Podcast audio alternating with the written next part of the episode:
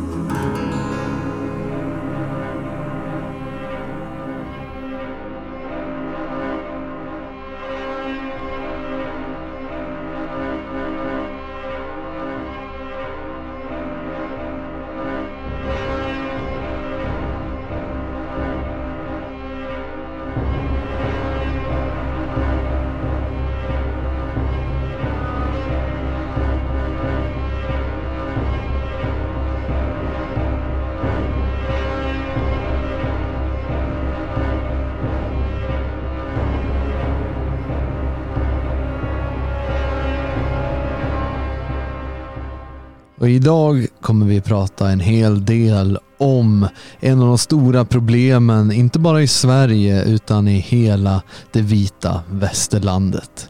De sprider ut sig som kackerlackor. De är ormar överallt och de är ständigt påtagliga. Det är de fördärvande städerna som växer upp i det här moderna samhället och alla ska vi bo i någon betonglåda. Det är de stora massorna som uppstår i storstäderna och formar det här samhället och dess politik och kultur till denna avgudabild som vi känner till idag. Ett intressant eh, uttryck eh, för en skepsis mot eh, den moderna storstaden och alla dess ljus och lockelser är en författare som H.P. Lovecraft som han skrev en kort novell som heter He från 1925. Och det framgår en hel del om att det var storstaden som gjorde Lovecraft till rasist. För att eh, det är det brutala hatet hos ett fångat djur som tvingas dela bur med djur av annan och skräckinjagande art som väcks i staden. Det säger en hel del tycker jag om staden och stadslivet. Även om allting kanske finns inom räckhåll så är vi kanske inte lämpade för det. Jag och Frode Midjord har i tidigare avsnitt pratat om arkitekturens eh, påverkan på människorna i, i staden och hur man medvetet har byggt städer fula och hur man i eh, forna Sovjetunionen hade en väldigt, väldigt eh, komplex byggnadspolitik där man som gick ut på att få människor att känna sig små och obetydliga. Någonting vi verkligen kan uppleva i Sverige idag. Även om det byggs en hel del moderna kolchoser i form av stora byggnadsverk. Eh, det är, är stora lägenhetskomplex, det är kontorskomplex och så vidare. Allt i den här byggnationen vi ser överallt och fulheten är ständigt påtaglig. Och det är lite det här som fick mig att tänka vad är det egentligen vi ska prata om förutom de eh, mest påtagliga negativa konsekvenserna om urbaniseringen och den moderna staden. Så därför har jag idag med mig en, eh, en god vän som eh, de facto lämnade den moderna staden, lockelsen till billig snabbmat och trängseln i kollektivtrafiken för, för, för en mer fri syn och mer fri levnadstillvaro i, i en annan del av landet som många kanske inte känner till. Och jag har med mig Andreas idag. Hej Andreas! Ja, god dag Ludvig. Jag hoppas att det är bra med dig. Det är bra, hur är det själv? Jo då, det är, det är dumt att klaga. Jag sitter och eh, beklagar mig dock lite över eh, städerna här. Eh, och så här, vi har pratat om det flera gånger privat och jag tänkte att det här samtalet är värt att faktiskt spela in för din historia är ganska, den är intressant. För att du har ju brytit ett mönster som de flesta moderna människorna inte gör eller till och med gör tvärtom. Idag så har Sverige eh, en av de högsta eh, liksom flyttningsgraderna inom en befolkning i Europa där människor flyttar från landsbygd till stad. Eh, människor flockas till våra städer och du har gått emot strömmen och tog dig från Sveriges största stad ut till ett samhälle som inte alls är lika stort om vi säger så. Nej, det kan man inte påstå direkt. Men Det eh, har inte varit helt lätt att göra flytten, men det, det gick bra till slut att komma iväg i alla fall. ja, vad var det som fick dig att, att lämna eh, Stockholm då egentligen? Eh, vad var det som fick egentligen eh, som fick dig att känna att eh, nej, nu, nu får det vara nog? Om du vill ta och dela med dig om den historien. Ja, det har ju varit lite i planeringen en längre tid, men att sen börja arbeta i yrkestrafik, det var väl det som påskyndade beslutet kan man säga. Ja, det var, det var trafiken och det får ju mig att tänka på alla de här bilderna på stora trafikstockningar och texten att det, det är inte menat att leva så här. Du, du slog slag i saken och, och släppte allt i princip. Om jag har förstått det rätt ja, va? jo, jo, jo, så är det. Jag hade ju ibland leveranser mitt inne i stan när det var fotbolls-VM och sånt. Vi spenderade ju hela kvällen och bara tar det därifrån. Ja, det är, det är hemskt. Eh, jag vet själv bara när man sitter i trafiken hur irriterande andra människor är och eh, jag är glad att jag inte bor i en eh, större stad i, i Sverige idag faktiskt. Men var det några liksom så här grundläggande tankar eller sådär som du, för, för du är ju nationalist och, och sådär. Så att du har ju ett ideologiskt bagage som kanske hjälpte dig på traven ut ur, ut ur staden. Men var det något så här mer, mer än trafiken som fick dig att, att ledsna och tänka att nu, nu, nu skiter jag i allting. Jag, jag måste bryta mig loss från det här. Ja, det är väldigt mycket stress. Folk springer överallt. Eh, ja, det är skitigt. Det luktar ganska illa ibland. Och, men främst är det väl stressen då. Folk springer förbi en och ibland axlar en. Och det var en kvinna som sprang efter bussen som precis började åka. Och hon eh, var nära på att halka in under bussen. Och så tittar jag upp och ser att nästa går om fem minuter. Så jag förstår inte vad, vad problemet är liksom. Nej, nej det, är, det där är också en sak som jag slås av varje gång jag själv är, befinner mig i Stockholm. Eh, hur människor stressar så extremt mycket, eh, framförallt till, till tunnelbana eller pendeltåg. När jag tänker att ja, det, det kommer ju en ny om fyra minuter. Hur, hur jobbigt kan det vara egentligen? Ja, man blir ju lite sådär själv till slut när man har varit där. Man kommer ner till tunnelbanan och ser att den precis har åkt och nästa går om tio minuter. Det är... Man blir ju till slut likadan. Ja, och det där är ju ett, eh, ett grundläggande problem för ehm, alltså människor i städerna. Det är ju att man eh, hamnar i eh, liksom en livsstil och ett, ett öde som man inte väljer själv. Du hamnar motvilligt i den här, dels den här stressen, i fulheten och du förhåller dig till, eh, Eh, till livet och verkligheten på ett helt annat sätt. Eh, om vi tar exemplet eh, hemlösa människor. Sitter en hemlös människa i en mindre ort i, i Sverige och i många orter så kommer den här människan antingen faktiskt få, få hjälp av eh, svenska samariter eller så kommer det uppdagas att det är någon form av eh, liksom, människa med narkotikaproblematik eller så vidare och totalt utstött. I, I städerna så ser man ju de här utslagna människorna och inte ens bryr sig.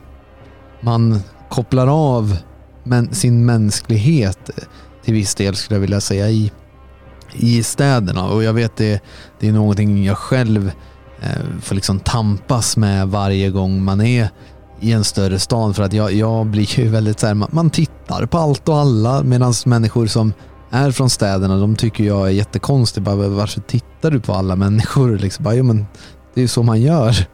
Kanske, man kanske känner någon, tänker jag. Och jag, jag märker ju också eh, på dig hur eh, liksom, jag tror du nog eh, känner dig mer uppbygglig och upplyftande efter du valde att lämna staden. Ja, absolut. Det är bara svårbant att bara höra den där tystnaden på nätterna.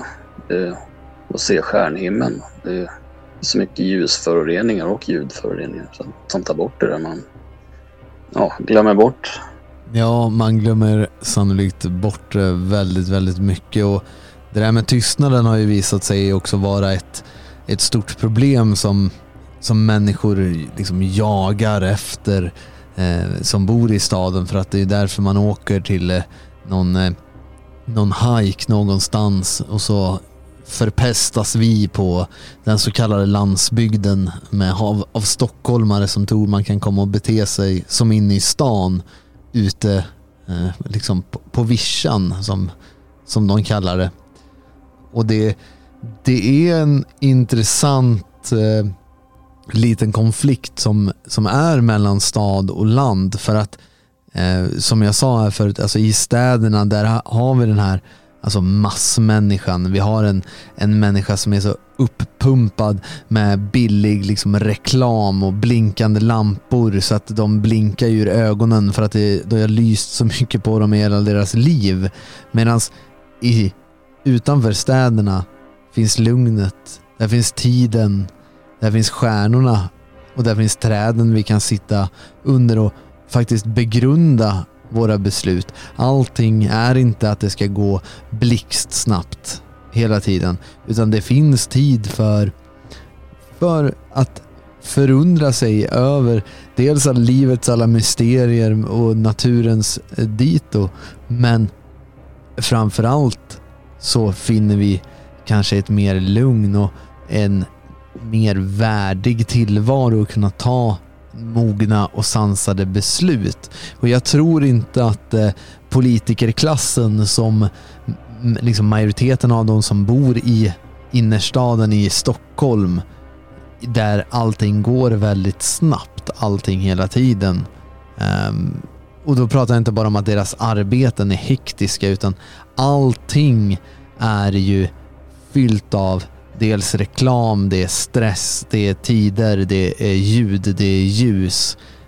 Det är fula byggnader överallt. Det är en... Det är verkligen en... Hur ska man säga? En hel aura runt dig konstant som intränger in i alla dina sinnen och försöker korrumpera dig. Och man blir automatiskt korrumperad av det. Sen finns det de... Eh, jag tror de det finns en hel del människor där ute som är mer resistenta mot det här och ser skönheten eh, i det lilla ändå. Det finns stockholmare som kan gå på Djurgårdsbron och inse att vilket fantastiskt byggnadsverk det här är. Vad fantastiskt att vi ser de gamla gudarna. Och det finns många fina byggnadsverk i en, en stad som Stockholm och det finns i Göteborg likaså. Men majoriteten av städerna är idag förfulade till den grad att det är inte liksom hållbart eller önskvärt att, att leva sin vardag där. Och jag personligen vet, jag kan ju inte tänka mig hur det kan vara att uppfostra barn i en sådan miljö exempelvis. Ehm, men jag, jag, tänker Andreas, bara om, om du vill berätta lite så här, vad, vad är de största skillnaderna förutom trafiken och stressen och kanske de här mm, alltså mest vanliga klyschorna man säger att eh, ja, det här är skillnaden mellan, mellan stad och land. Men, men vad har det gett dig att, att flytta till, till landet, till vildmarken till, och till skogen? Ja, först och främst så tycker jag om att vara ute mycket i skog och natur. Och på den plats jag bodde innan så fanns det väl inte så stora områden där man eh, kunde komma undan och slippa allt ljud från trafik och sånt. Så det är väl en sak jag tycker är skönt. Men eh, ja, puls och sånt har gått ner sedan jag lämnade. Så att eh, jag ja, har ju haft fysiska... Ja, du har gjort pulsmätningar och sådär alltså, före och efter ja. eller? Ja, visst. Även en som jag känner som håller på med cykling har pulsklocka och också haft en låg nivå som aldrig tidigare haft på att vara här några dagar. Ja, det är ju fantastiskt hur eh, vilket underverk naturen kan göra för vår hälsa och det brukas ju ordineras av läkare fortfarande än idag när människor är eh, alltså deprimerade, när människor är uppstressade att man ska ta en en promenad i, i det fria och framförallt i, i naturen. Och det är nog, eh, det är nog no, någonting uråldrigt i det här som gör att vi kommer ner. Och det, för människans kropp reagerar på det sättet, alltså när eventuell fara hotar eller när det är någonting annat som gör att vi, det krävs snabba beslut av oss, så reagerar kroppen i form av stress och vi har den här välkända stresscykeln eh, eh, liksom, som de flesta säkert känner till att vi först eh, tittar på någonting och så ja, ska man, kommer man till beslut och hinner man inte med det så finns det stress. Och det finns godartad stress och det finns liksom, dålig stress. Problemet är ju att vi alltid har stress i städerna. Och när jag pratar om städerna, det är inte bara Stockholm, Göteborg eller Malmö. Utan jag pratar alltså om alltså allt ifrån eh, alltså städer som Karlstad, Linköping, Kalmar, eh, Trollhättan. Alla möjliga städer har samma beteende som i de större städerna. Sen är de större städerna absolut mer av den varan. Men vad ska man säga, hela bilden av den moderna staden har ju präglat alla andra små befolkningsorter, alltså alla städer i det här landet. Och det är någon inneboende önskan hos eh, de så kallade folkvalda att göra just deras lilla stad till någon metropol där man fullständigt tävlar med grannstaden om att man ska banne mig få hit eh, den största gallerian med de fulaste reklamerna och man eh, bråkar om att få hit olika snabbmatskedjor för att det har banne mig storstäderna.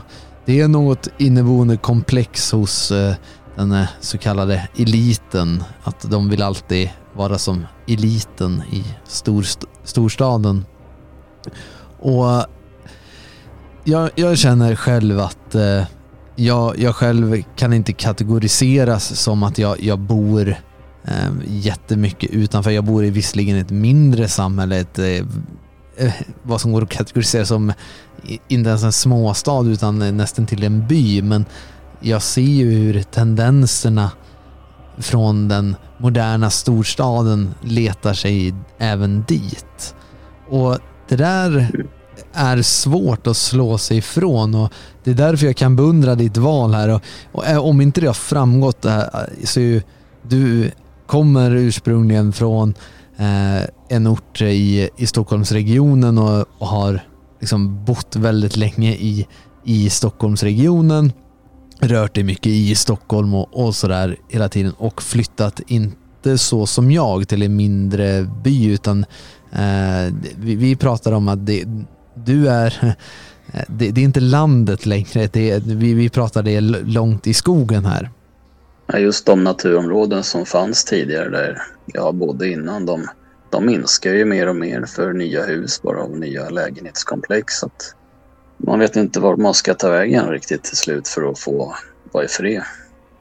Nej. En eh, på kyrkogården som satt och sörjde någonstans fick ju inte vara i fred. kom det fram någon tiggare och började liksom tjafsa och skramla med mugg i ansiktet. Man, man slipper allt sånt där skit.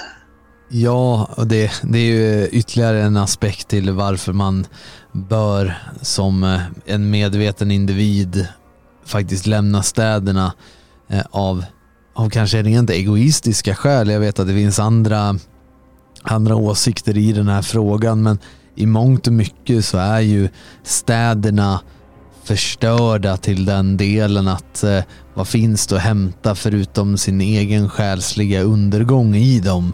Sen finns det självklart vattenhål i, i olika städer och det finns bättre och sämre områden. Men överlag, där det är som, som du berättar att det, det kommer fram eh, tiggare antagligen med, från det här eh, liksom beresta folket som har blivit utkastat från varenda land i Europa och inte önskat någonstans av någon. De dyker upp och ska bete sig mot någon som sitter på våra kyrkogårdar, där våra förfäder ligger. Det är inte värdigt längre att, att gå och leva i ett sånt liv.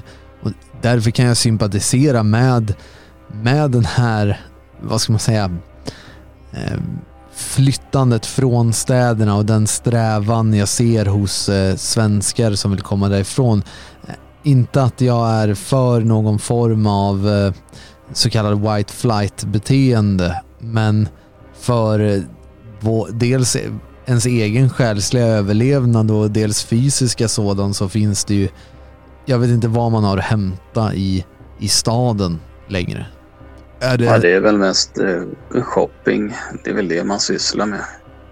Ja, det är ju inte så att vi har något spirande kulturliv i det här landet som inte är förstört av 1968s progressiva idéer eller någon hbtq-certifierad skitopera som man ska gå på. Det är ju inte, inte direkt eh, operasalen i, i München där eh, andra stora människor faktiskt tog beslut om att förändra världen togs.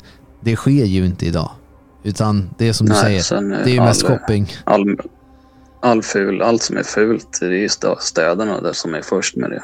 All konst på väggar och sen ska du sitta på tåget med emot någon annan med arm och ben som du aldrig har träffat eller haft ögonkontakt med. Så att hela den där upplevelsen är ju bara påträngande och onaturlig. Ja, verkligen. Och det jag, jag, jag tänkte jag ska fråga dig också för att eh, hur...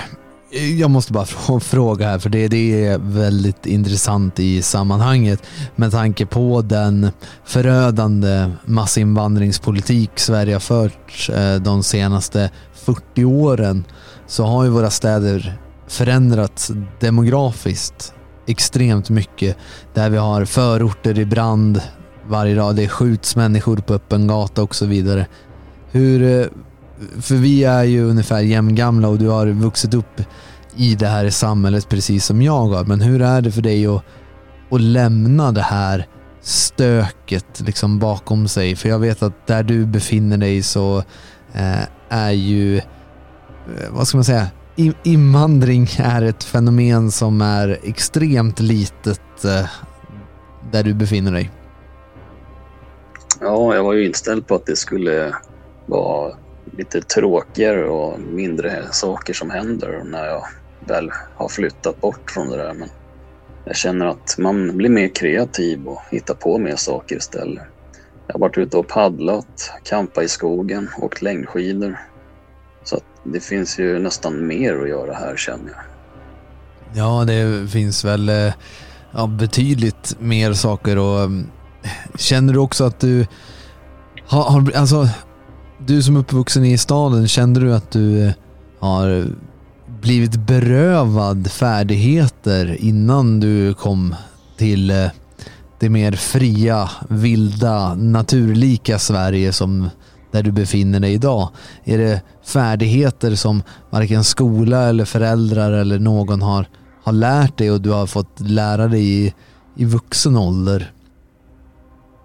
Ja, jag gick ju i scouterna när jag var liten så jag fick ju lära mig lite grann där. Men det, det finns ju inte samma behov av att lära sig kanske att göra upp en eld eller bygga ett vindskydd när man bor i en stad som på landsbygden. Nej, vi, vi får det låta som att alla människor som bor på landsbygden har ett behov av att bygga vindskydd hela tiden. Eh, jag, jag, jag, jag motsäger det, jag vill bara ha det, ha det klart att eh, jag, mitt, vindbyggs, eh, mitt vindskyddsbyggande inte är jättemycket, även om det faktiskt sker ibland.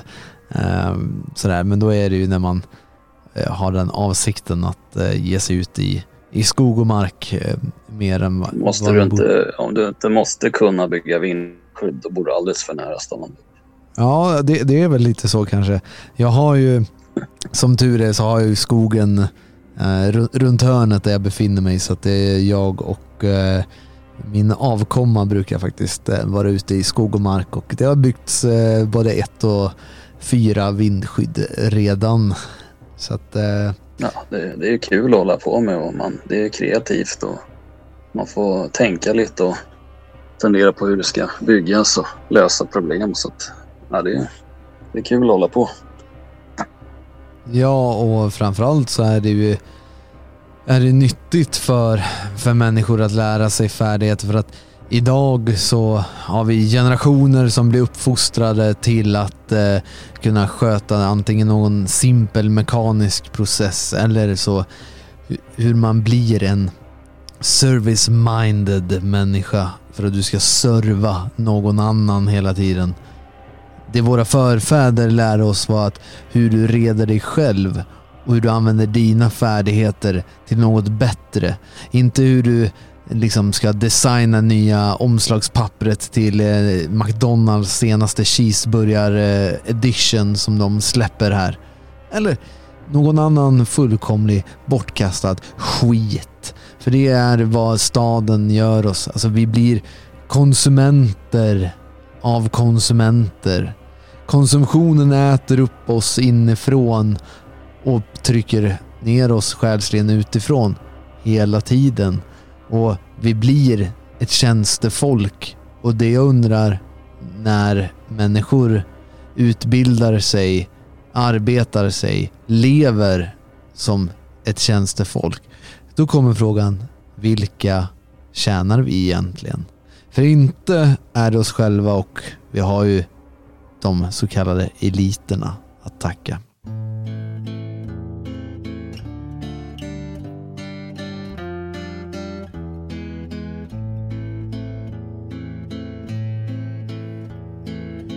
Börja en kväll i ett surdegshotell där en retro-chic snurrtelefon hade kopplats in fel i ett uttag för el och lågorna spred Och mm, jag tänker bara på eh, liksom på dels din flytt och det, det skedde ju, det var ju rätt många, många mil från, från Stockholm som du hamnade och var du beredd på alla de avstånd som, eh, som eh, du har fått lära dig att ja, det, men det tar lite tid att komma till andra människor och hälsa på kamrater och så vidare.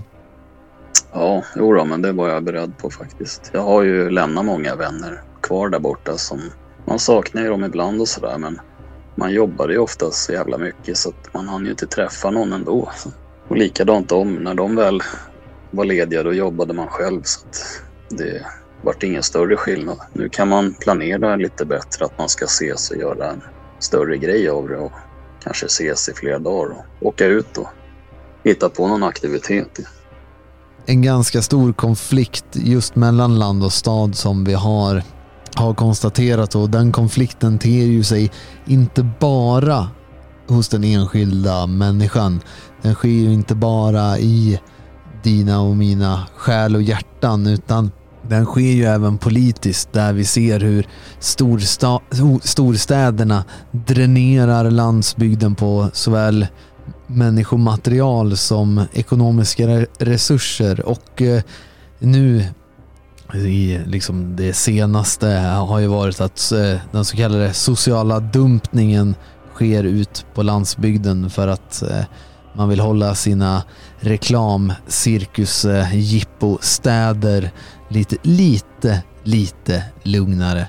Så att man har ju då valt att dumpa ut eh, nyanlända invandrare eller andra afghaner, vad det än må vara, runt om ute i de svenska småorterna. och de senaste åren har lärt, lärt oss är att eh, små bruksorter runt om i landet vittnar om hur afghangäng drar runt i, i de här små bruksorterna, vilket var otänkbart för bara 15 år sedan.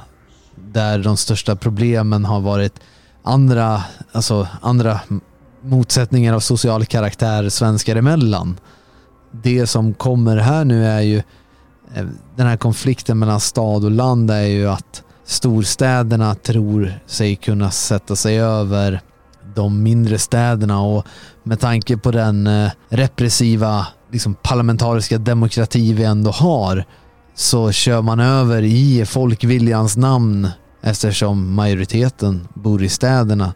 Så kör man över större delar av landet för att främja sina egna intressen. Och det här är en farlig konflikt som eh, historiskt sett har lett till uppror, eh, skattebrott, alla möjliga lustigheter i, i historien där människor helt enkelt inte har tagit att eh, städerna ska ta det som landsbygden äger.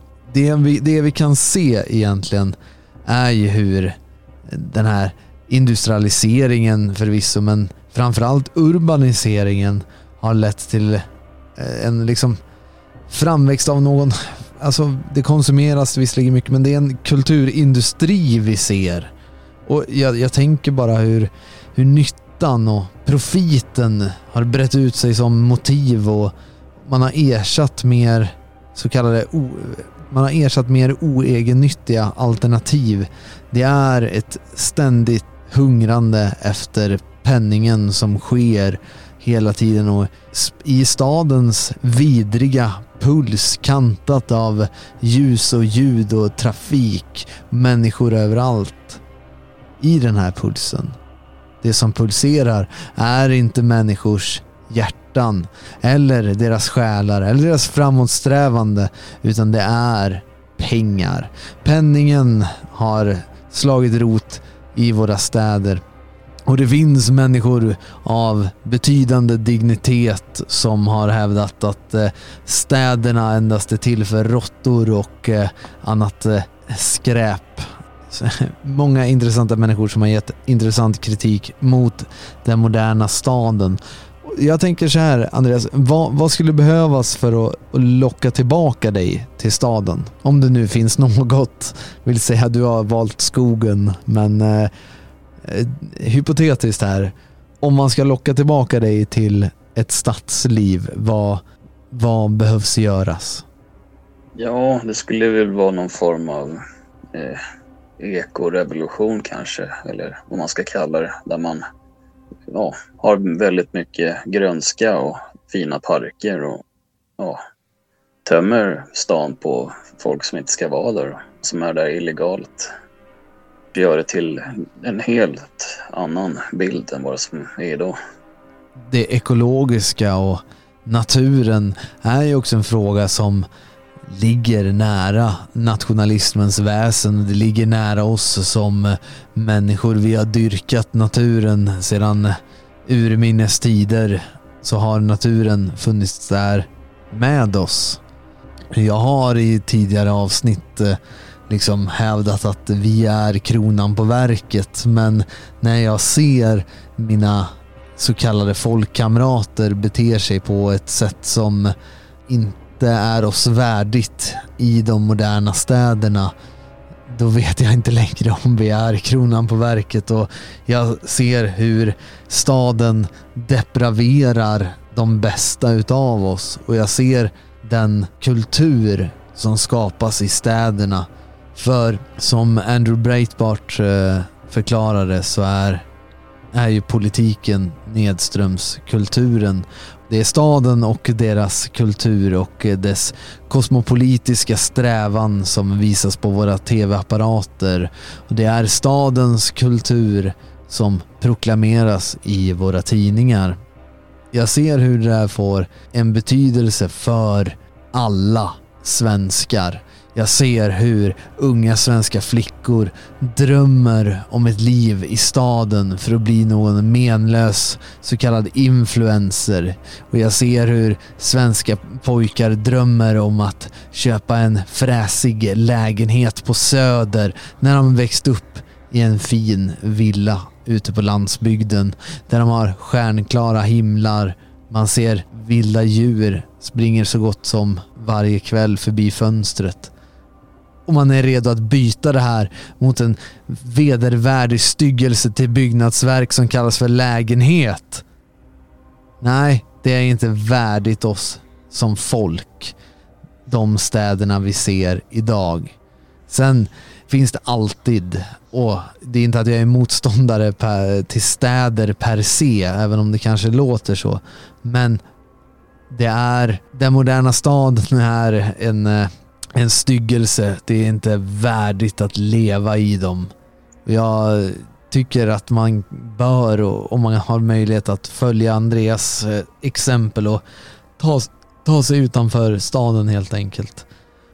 Du har liksom hittat en helt ny sida av dig själv. Din puls hade gått ner sa du och du har varit ute och paddlat och du känner inte samma stress helt enkelt. Men känner du eh, det här en mer återknytning till det gamla axiomet blod och jord? Absolut. Jag kände det väldigt mycket en gång när jag tog mig upp med bilen till en stor skogssjö som låg längre upp. Det var en sen sommarkväll och sen hoppade jag i där och simmade ut och det var så här öronbedövande tyst. Så simmar man runt där i ja, sen sommarkvällen. Då, ja, då kände jag det att vad, vad värt det var och vilken livskvalitet man kunde få. Det är helt fantastiskt och det är också skrämmande hur eh, många av svenskarna som faktiskt aldrig har eller ens kommer att uppleva en total tystnad överhuvudtaget. Och vi svenskar har ju genom tiderna, alltså vi har ju fått eh, eh epitetet eh, liksom de tysta stugornas folk och eh, det ligger ju någonting i det här och vad, vad tror du när, när man kommer till sans med själva tystnaden i, i sin, liksom, sitt vardagsliv.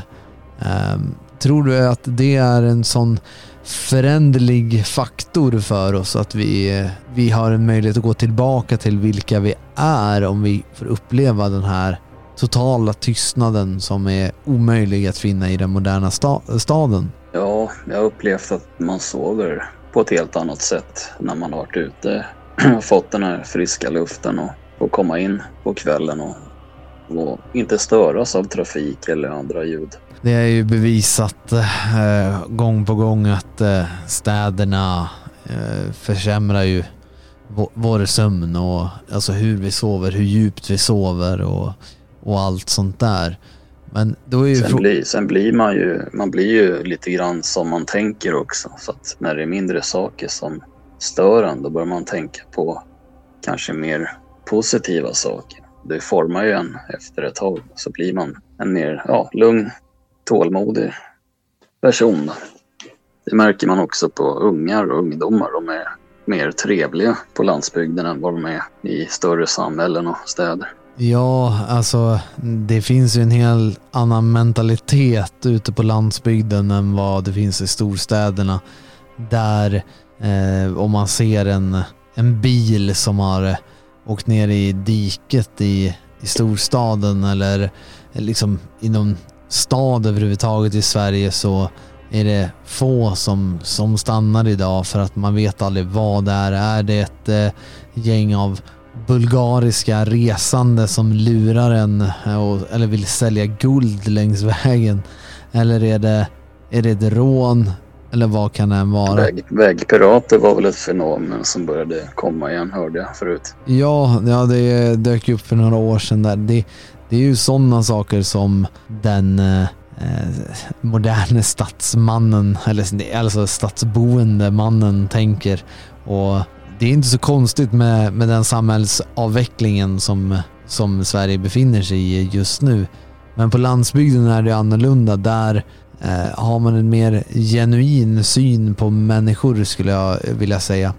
Eh, jag själv flyttade upp från, eh, från Västra Götaland och visserligen inte fullt urbana miljöer men betydligt eh, befolkningstätare till, eh, till Värmland för x antal år sedan. Och, eh, inte att jag bor ute i skogen liksom sådär utan jag bor i ett samhälle men det är ett helt annat lugn bara på, den, på de få milen rent geografiskt eh, det var från där jag bodde innan. Och det är någonting man märker och det, jag vet ju, kommer man längre ifrån eh, vad människor brukar skämtsamt kalla civilisationen så du har och får en annan syn på, på livet. Och det här kommer ju, vi har ju konstaterat att staden fördärvar och naturen är uppbygglig för oss.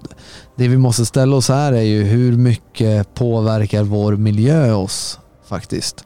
Vi tillhör ju och kommer från en rörelse där man ständigt eh, påtalar ens eh, etniska arv eller arvet per se. Är det liksom, vad har man i för kulturellt bagage och vad, vad har man för genuppsättning? Folk är i vår rörelse nästan till besatta av det, en, del, en del av oss i alla fall.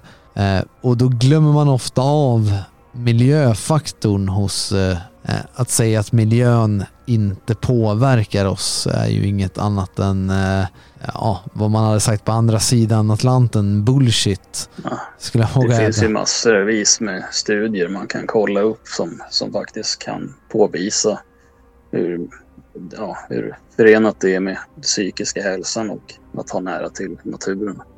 Jag vill komma tillbaka till H.P. Lovecraft eh, där han, eh, han förklarar någonting som jag tycker sätter fingret väldigt väl på det här problemet där han säger I repeat that the city is dead and full of unsuspected horrors.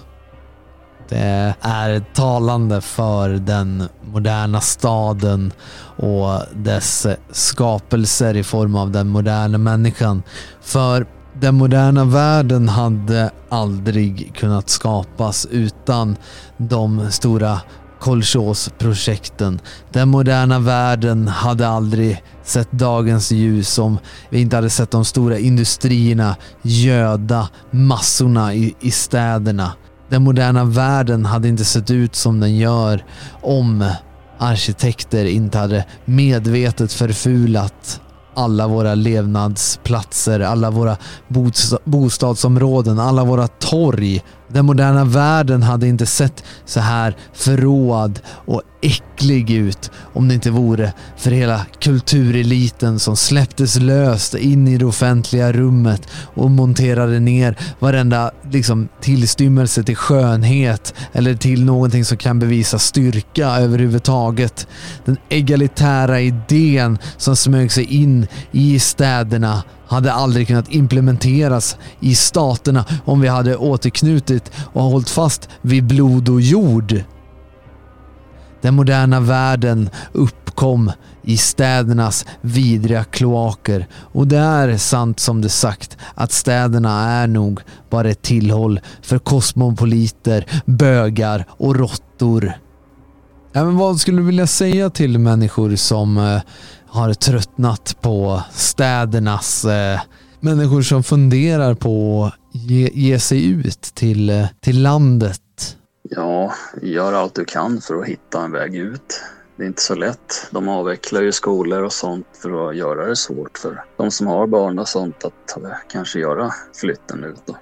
Men eh, jag tycker man ska hela tiden sträva efter att ha det som mål att ta det bort från staden så fort det bara går. Ja, det är ju även i städerna vi kommer få se och vi ser redan nu hur eh, mänskligheten och svenskheten går på knäna och svenskar blir ständigt utsatta för diverse mångkulturella experiment i form av eh, pissrån och andra lustiga kulturella utmaningar. Det är lättare att bemöta i mindre städer där du kan bygga ditt lokala mannaförbund, där du kan bygga din hird ute i landsbygden och ni är kopplade till jorden som ni äger. Det är ute på landsbygden där upproren alltid har seglat upp. Revolutioner likt den när man stormade Bastiljen i Frankrike var en hop och det var massmänniskans skapelse. Genuina uppror som vi nordmän har sysslat med när vi väl har valt att resa oss mot statsmakten har kommit från de fria bönderna, från den fria svensken som har rest sig från våra skogar, från våra dalar och från våra fjäll. Upproret lever ute på landsbygden och vi måste ta tillbaka det som är vårt. Vi måste riva kolchoserna och införa obligatorisk eh, liksom, vistelse för alla barn att ge sig ut i skog och mark. Eh, det är faktiskt en annan lyssnare här som har tagit upp eh, en problematik när man faktiskt bor på landsbygden. Det är problemet med människor som kommer från, från städerna tror att människor, svenskar, ute på landsbygden idag välvilligt kommer ta emot alla stadsbor med, med öppna armar. Och, och det ligger ju någonting i det här. Vi, vi kanske skämtar om det en hel del och stockholmare skämtar en del om liksom lantisar och, och så vidare. Men det finns en, eh, alltså ett djupt öppet sår i det svenska folket mellan eh, så kallade stadsbor och, och lantisar. Man har olika liksom, referensramar och man har olika uppfattning av, om det mesta. Och du kommer De, säga... eh, de jag känner som har flyttat ut de jag känner som har flyttat ut till landsbygden som kommer från städerna har varit väldigt välkomna faktiskt. Just för att många byar ligger lite illa till att dö ut. Det är nästan bara ja, gamlingar i en del byar. Så att de är, har varit väldigt glada att ha flyttat dit yngre. Ja, Ja, men eh, alltså, det kan jag absolut eh, tänka mig och sådär. Sen vet jag även med tanke på hela covid-19 hysterin så ledde ju det till eh, det, det hemska hemester eh, där hela stadens invånare skulle ge sig ut, för, eh, ut på fjällen och eh, ut i våra skogar och i våra marker för att man inte fick ta en billig restresa till Mallis. Eh, detta ledde ju till att man trodde att eh, det fungerar eh, som det gör på Mallis i den svenska naturen. Det skräpades ner något fruktansvärt överallt och saker och ting eh, lades ner. Jag vet eh, leden till eh, upp till toppen på Kebnekaise Eh, fick ju kritik för att det låg, det fanns inte tillräckligt med utedass längs leden och eh, det har ju, eh, naturen har ju kunnat ta hand om eh, om, om vissa saker liksom eh, över tid när det är relativt få som, som går den vägen. Men eh, när eh, antalet besökare ökar och eh, alla ska behöva göra sina behov ute och det blir någon form av zigenarläger längs hela vägen, då är det en förstörelse av, av naturen och det blir något annat.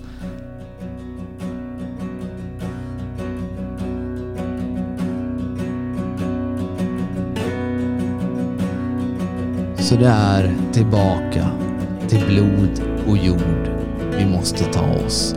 Det är tillbaka till landet som närde dig och mig och våra förfäder. Otaliga generationer av svenskar har levt av det här landet och det är du och jag som har rätten att återerövra det och göra Sverige vad det en gång var och ta oss och våra själar tillbaka till det vi en gång var så att åter än en gång kan sadla hästen och rida ut mot tyranneriets vidriga styggelser.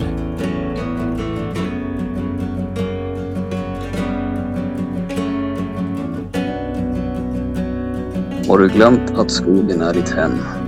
Att den djupa, stilla skogen står och väntar på dig som en vän? Lämna staden som du kom till skogen åter. Endast så kan du bli hel igen. Har du glömt att skogen är din vän? Myrans vägar under himlen. Källan, där det växer upp små ljusa samtal. Gläntan, där man leker med ett regn. Är det glömda? Minns du inte det?